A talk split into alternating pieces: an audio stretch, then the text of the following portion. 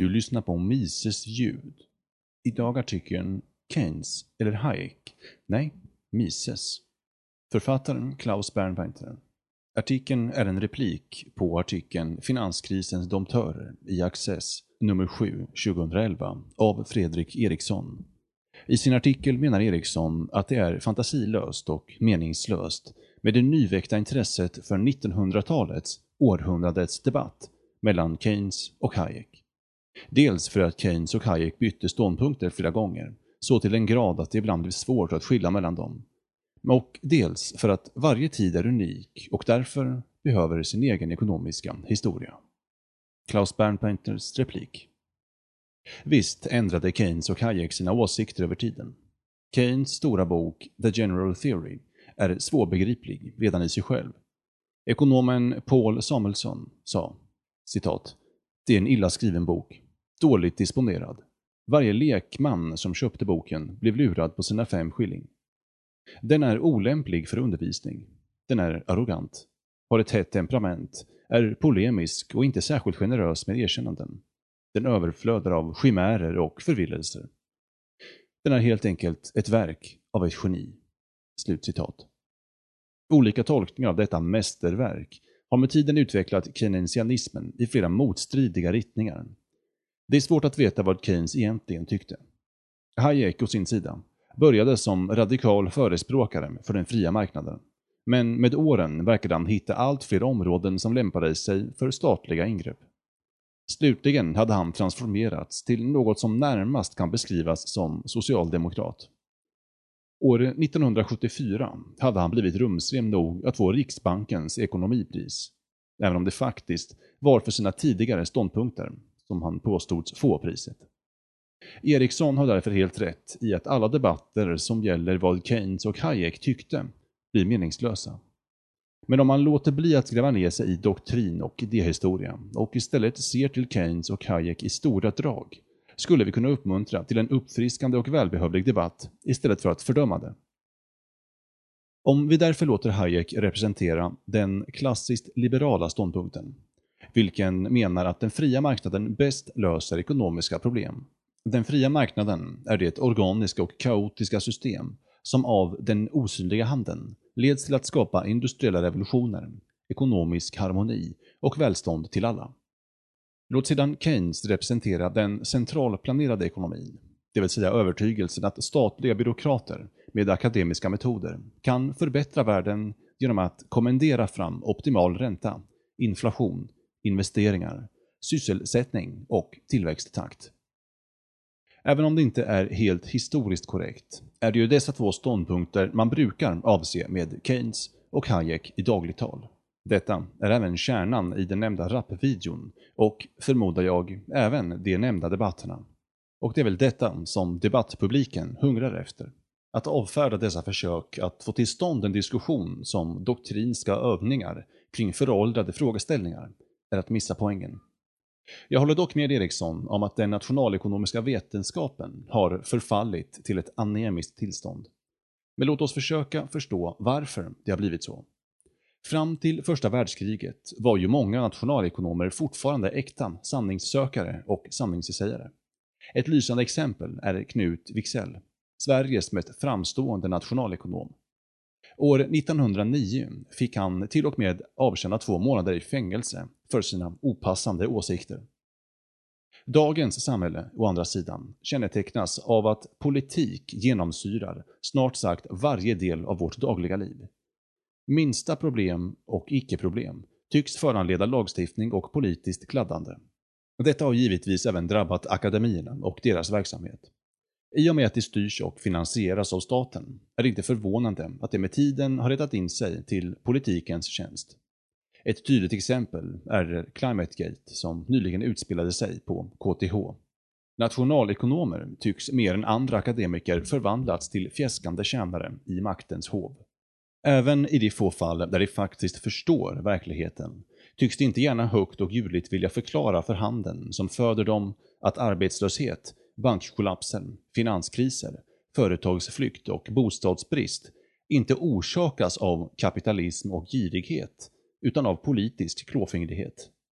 Istället lägger de sin energi på att hitta nästan fantasifulla exempel på marknadsmisslyckanden för att rulla fram ännu mer intellektuellt eldunderstöd åt nya politiska ingrepp i civilsamhället. Det är inte konstigt att dagens nationalekonomi är tandlös, likriktad och till största delen irrelevant. Inte heller att vi lever i ekonomiskt kaos. Det finns ett direkt samband mellan nationalekonomins intellektuella haveri och de nationella ekonomiernas alarmerande tillstånd. Vi behöver ingen debatt om nya frågor, utan vi behöver samma gamla debatt som förr. Är det bättre med planekonomi eller med en fri marknad? Ett annat problem med nationalekonomin illustreras av Eriksson själv. Dagens nationalekonomiska teoribygge är ett lapptäcke av osammanhängande matematiska modeller. Dessa lagar har destillerats fram medelst kurvanpassning mot empirisk data. Naturligtvis ger detta tillvägagångssätt intrycket att det inte går att hitta tidlösa ekonomiska lagar. För vem vet? Innan nästa Nobelmiddag kanske någon hittar en datapunkt som falsifierar lagen om utbud och efterfrågan. Eriksson illustrerar också den vanliga missuppfattningen att Adam Smith är nationalekonomins fader och att innan honom var jorden öde och tom. Men långt före Smiths dagar sökte intellektuella tänkare efter tidlösa ekonomiska lagar. En del upptäcktes redan av de gamla grekerna, några upptäcktes av de spanska skolastikerna och ytterligare några av brittiska och franska ekonomer. Gemensamt för dem som identifierade riktiga ekonomiska lagar är att de inte använde den idag förhärskande naturvetenskapliga, empiriska metoden. Istället utgick de från realistiska antaganden om verkligheten och tillämpade logiska resonemang. Ekonomiska data kan inte användas för att härleda tidlösa samband, ty ekonomiska data är historia. De är bundna till sin tid och det kan inte upprepas eller isoleras i laboratorium. Ekonomi har att göra med människor. Det är inte naturvetenskap. Oavsett hur mycket dess utövare än låtsas som det. Tyvärr måste jag hålla med om att den sena Hayek inte är lämplig representant för den fria marknaden. Tillåt mig därför att istället framhålla en av 1900-talets mest lysande ekonomer. En person som Eriksson och den etablerade nationalekonomin tenderar att glömma bort. Nämligen Ludwig von Mises. Som den österrikiska ekonomiska skolans främsta apostel var Mises en konsekvent och orädd förespråkare för den fria marknaden, dess överlägsna stabilitet, effektivitet och moralitet. Han lät sig aldrig köpas för pengar, utan talade alltid sanningen till makten. Därför fick han också fly sitt liv när nationalsocialismen bredde ut sig. I sitt Magnum Opus Human Action gör Mises något så briljant som att logiskt axiomatiskt bygga upp en sammanhängande teori med ekonomiska lagar som är oberoende av tid och rum. Precis det som Eriksson önskar, men uppgivet antar inte finns. Mises förklarar att orsaken till de störande konjunkturcyklerna är att staten kommenderat fram ett bedrägligt monetärt system baserat på papperspengar och plåtmynt, så kallad pappersmyntfot. Och att staten dessutom har gett bankerna licens på att tillverka egna elektroniska pengar. Faktum är att de svenska bankerna idag producerat över 15 gånger mer elektroniska kronor än Riksbanken skapat i form av sedlar och mynt. Ingen tycks anse att det är något konstigt med att detta högst anmärkningsvärda bankprivilegium, vilket i praktiken innebär att bankerna får tjäna ränta på luft. Denna bedrägliga bankverksamhet är dock riskabel och själva roten till den pågående, accelererande och alla tidigare svenska bankkriser eller för att citera Nordisk familjebok från 1904, citat. Sveriges riksbank är världens äldsta centralbank och är tillika den äldsta bankinstitution som överhuvudtaget finns. Det är denna bank som äran av att ha utgett världens första banksedlar sannolikt bör tillskrivas. Detta ledde dock till bankens undergång.” Slutcitat. Att mängden pengar ökar kallas inflation av penningmängden Enbart detta och ingenting annat är förklaringen till de ständigt stigande priserna vi vant oss att leva med och som vi nu tror är en naturlag. En ständigt växande penningmängd leder också till att det blir billigt att låna pengar, det vill säga räntan sjunker. Wicksell insåg att detta är räntemanipulation eftersom det leder till en ränta som blir lägre än den naturliga räntan.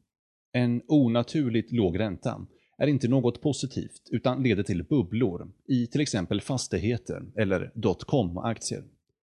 En låg ränta lockade också till sig investeringar i projekt som egentligen inte var lönsamma under normala förhållanden.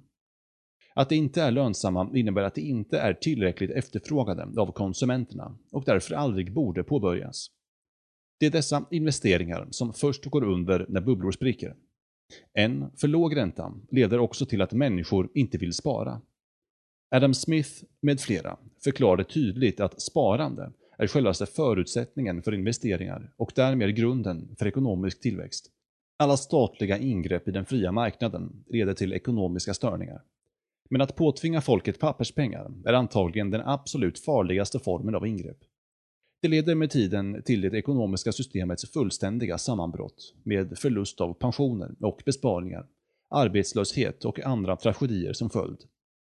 Vi ser tydliga tecken på detta i eurozonen och i pappersdollarns Amerika.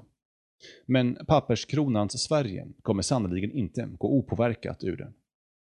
Den österrikiska skolan har visat sig ha en oöverträffad prediktionsförmåga. Dess förespråkare inte bara förutsåg finanskrisen utan hade även en logisk förklaring till den.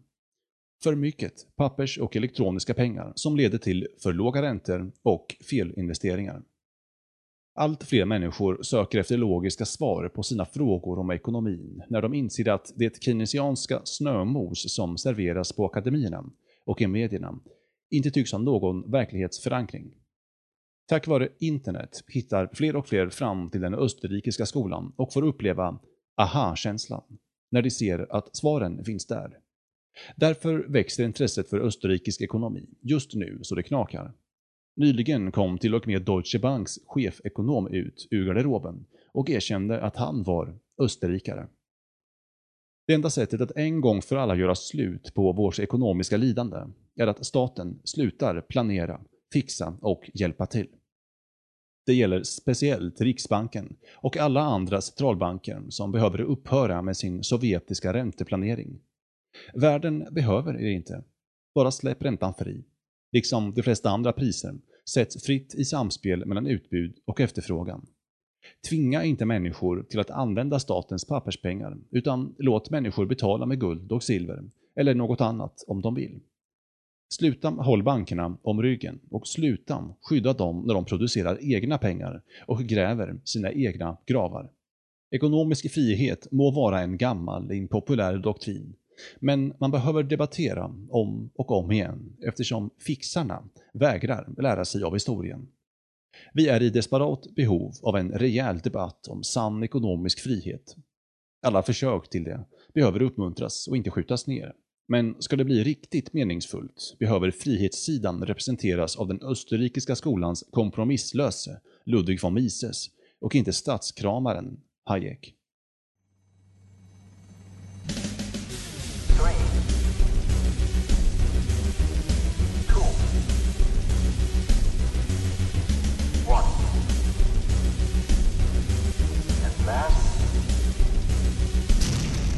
Don't put your trust in